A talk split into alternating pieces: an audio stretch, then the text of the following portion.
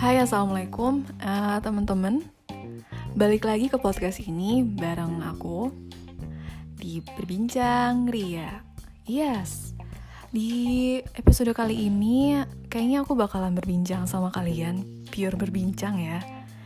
Karena sudah hampir sebulan aku tidak rilis episode. Baru sekarang Ya nggak apa-apa ya. Hmm, apa ya Aku akan berbincang mungkin hal yang tidak hanya aku rasakan tapi kalian juga merasakan. Yaitu kita sama-sama tahu Indonesia dan seluruh dunia itu lagi diuji sama Allah. Itu adalah ujiannya dikasih apa ya ada makhluk tak kasat mata. Itu COVID-19 atau coronavirus. Hmm benar-benar ya luar biasa sekali coronavirus ini mempengaruhi kestabilan sebuah negara gitu dari kestabilan ekonomi, kemudian kestabilan sosial, terus juga kesehatan, wah semuanya deh gitu kan. Sampai kayaknya kita terancam tidak bisa mudik ya lebaran kali ini. Gitu. Tapi aku tidak akan membahas si COVID per COVIDan itu.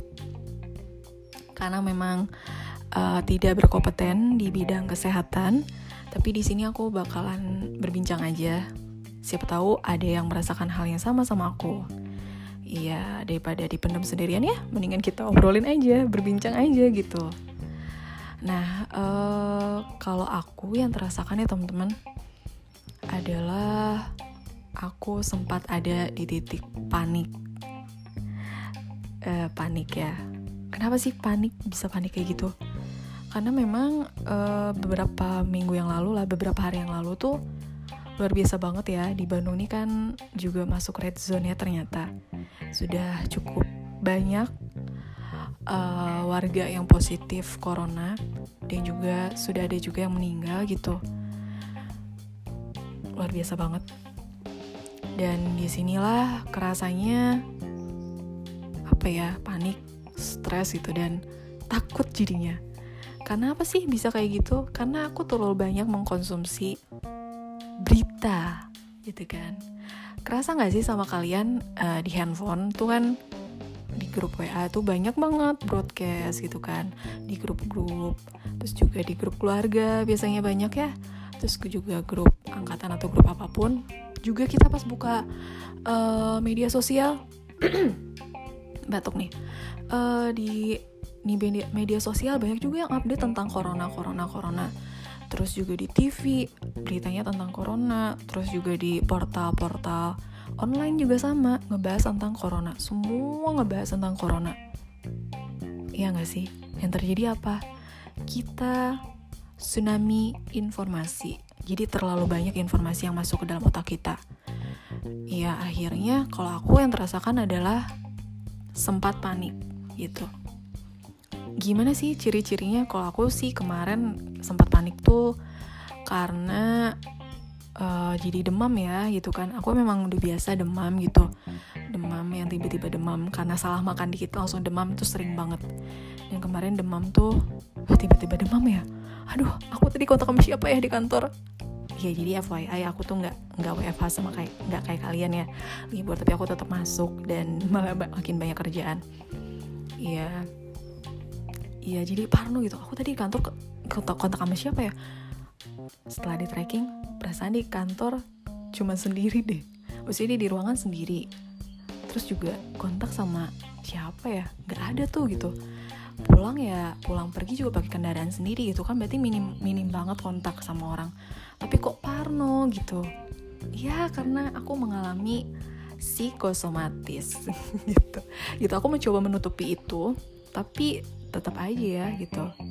Orang terdekat sih tahu kalau aku tuh panik dan kena psikosomatis. Uh, jadi aku putuskan untuk membatasi asupan-asupan informasi yang masuk ke kepalaku gitu.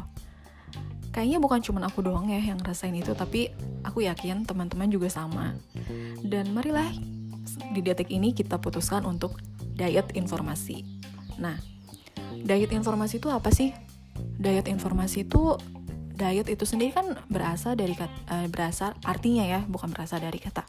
Jadi diet itu sendiri adalah pengaturan gitu kan. Diet itu pengaturan. Jadi diet informasi artinya ya kita mengatur informasi mana aja sih yang bisa masuk ke kepala kita yang mau kita terima gitu.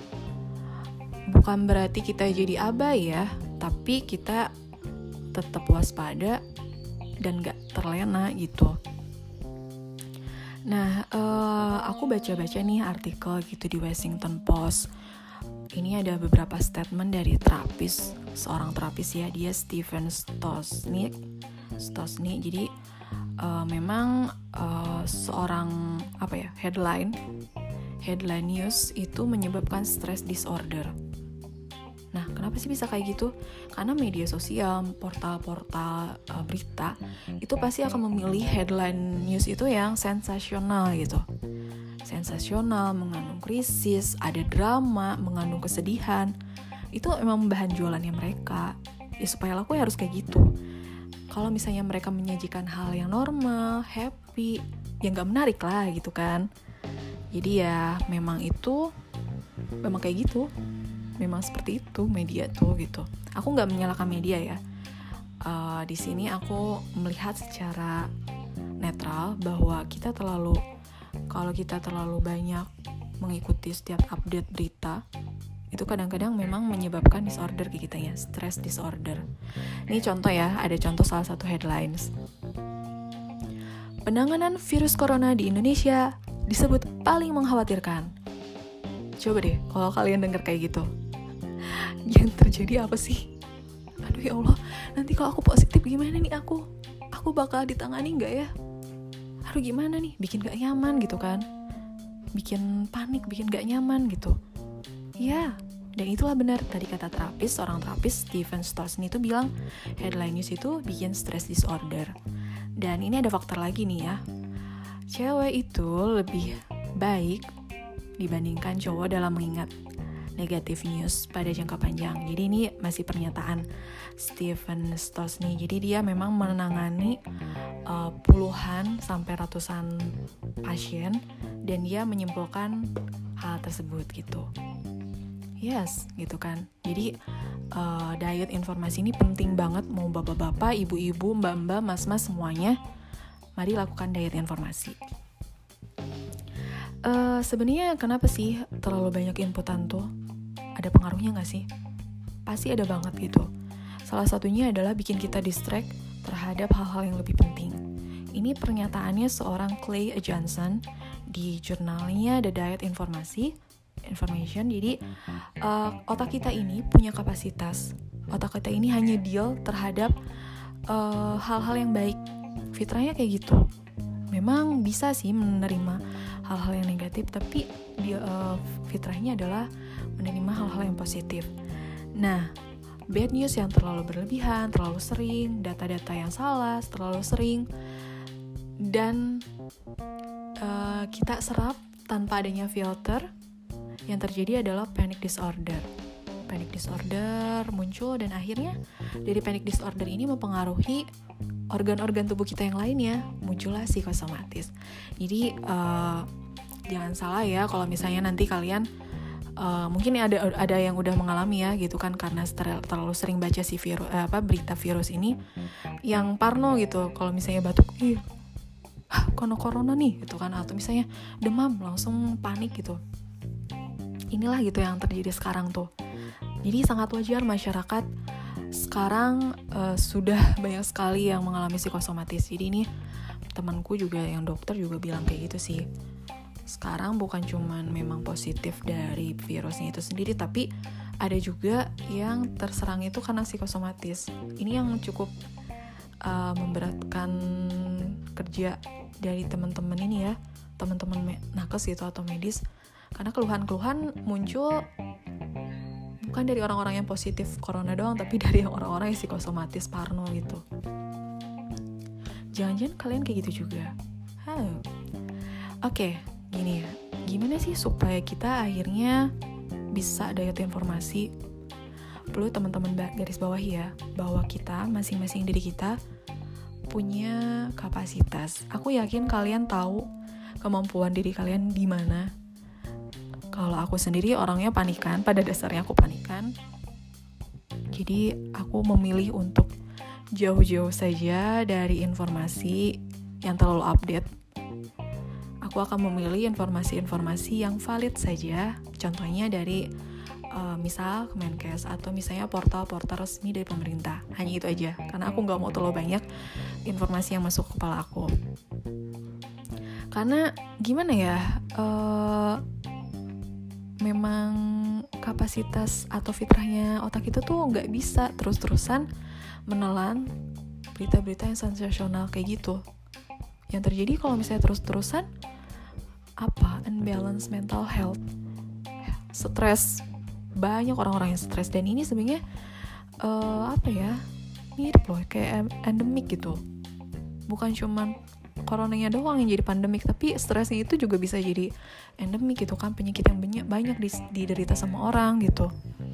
Nah sekarang sih yang bisa kita lakukan adalah diet informasi dari diri kita sendiri. Kita nggak bisa gitu ya ngelarang-larang media-media ngelarang orang lain untuk up, nggak update nggak bisa. Tapi kita bisa mengontrol adalah yang ada di dalam diri kita. Yang pertama adalah know yourself gitu kalian tahu kapasitas diri kalian, kalianlah yang mengatur. Yang kedua adalah jauhi berita-berita yang gak jelas dari mana sumbernya, gitu kan. Yang ketiga, ya udah, boleh loh online misalnya Instagram tetap tetap stalking Instagram misalnya lihat-lihat online shop misal atau lihat-lihat kajian masih boleh kok gitu boleh banget tapi ya kita harus bisa memilih gitu ketika ada berita-berita yang ternyata bisa mengganggu kewarasan kita ya udah kita stay out aja. Terus juga uh, kita lebih stay in touch sama family gitu. Dan ingat ya ketika kita menjauh dari uh, media sosial atau berita-berita itu bukan akhir akhir dari dunia. Ya malah kita masih lebih banyak lagi melakukan hal-hal yang positif gitu. Yang bisa kita lakukan hal-hal yang lebih produktif. Dan berita juga nanti pada akhirnya akan menghampirimu gitu kan. Berita yang resmi pasti gitu kan akan masuk ke kita gitu entah itu dari BNPB ya. Kemarin kan banyak tuh di di apa ya kayak di broadcast sama BNPB kan tentang corona itu sendiri itu ada kok itu kan. Ada informasi-informasi itu. Dan yang paling utama adalah sadar teman-teman sadar wes. Jadi menyadari bahwa sebenarnya uh, hanya atas izin Allah gitu kita bisa terjangkit atau enggak sama virus ini. Ya yang bisa kita lakukan kan kita ikhtiar semaksimal mungkin menjaga kesehatan jiwa kita yang pertama dan menjaga kesehatan fisik kita. Menjaga kesehatan jiwa ya dengan asupan-asupan salah satunya adalah diet informasi ini gitu. Memperbanyak eh, diskusi-diskusi uh, yang positif terus juga lebih dekat lagi sama Allah gitu kan. Hmm, terus melakukan hal-hal yang positif. Jadi barang barangkali sekarang nih kita apa ya abai sama hak-hak yang sebenarnya harus kita tunaikan. Eh kewajiban kok hak sih? Kewajiban yang harus kita tunaikan. Dan ya sekarang adalah saatnya kita memulai lagi dari nol. Melakukan hal-hal yang positif melakukan hal-hal yang memang seharusnya kita lakukan gitu sesuai dengan fitrahnya kita jadi ya jangan panik gitu. Tetap jaga kewarasan mental kalian jaga juga kesehatan fisik kita gitu. Ya kita hanya bisa melakukan ikhtiar seoptimal mungkin karena uh, di terjangkit atau enggaknya tetap sih itu adalah atas izin Allah. Dan jangan was-was please jangan was-was. Karena was-was itu apa coba dibisikin oleh setan ke dalam dada manusia. Yang tadinya nggak takut jadi berlebihan ya gitu kan. Dibisiki dibisiki. Waswisufi sudurinas gitu kan. Dibisikan ke dalam dada manusia oleh siapa? Oleh setan. Ini uh, di surat Anas ada kan gitu. Uh, banyak-banyak aja deh uh, baca-baca buku Islam. Misalnya kalau misalnya teman-teman punya buku-buku pengembangan diri yang lain dibaca aja. Terus misalnya emang aku nggak suka baca buku. Oke okay, melakukan hal-hal positif yang lain bisa melakukan quality time sama keluarga bisa melakukan quality time sama teman-teman melalui sekarang kan banyak ya aplikasi-aplikasi Zoom atau misalnya video call dan lain-lain. Yang jelas lakukan dulu deh diet informasi selama tujuh hari aja. Aku rasa kalian akan merasakan dampaknya gitu. Karena aku pun sekarang sudah melakukan diet informasi ini dan alhamdulillah ya kembali lagi gitu seperti sedia kala. Dan jangan lupa untuk mengakui kalau kalian juga takut. Mengakui ini bisa jadi uh, kalian curhat cerita sama temen bahwa iya aku takut kok dengan informasi ini dengan berita ini ya memang itu adalah sebuah apa ya ya fitrahnya manusia sih gitu eh, kayak gitu aja sih berbincang ria kali ini jadi aku pengen mengeluarkan unek-unek sih tentang diet informasi kayak gitu. Jadi kapan kamu diet informasi? Kalau aku sih udah. Makasih udah dengerin semoga bermanfaat.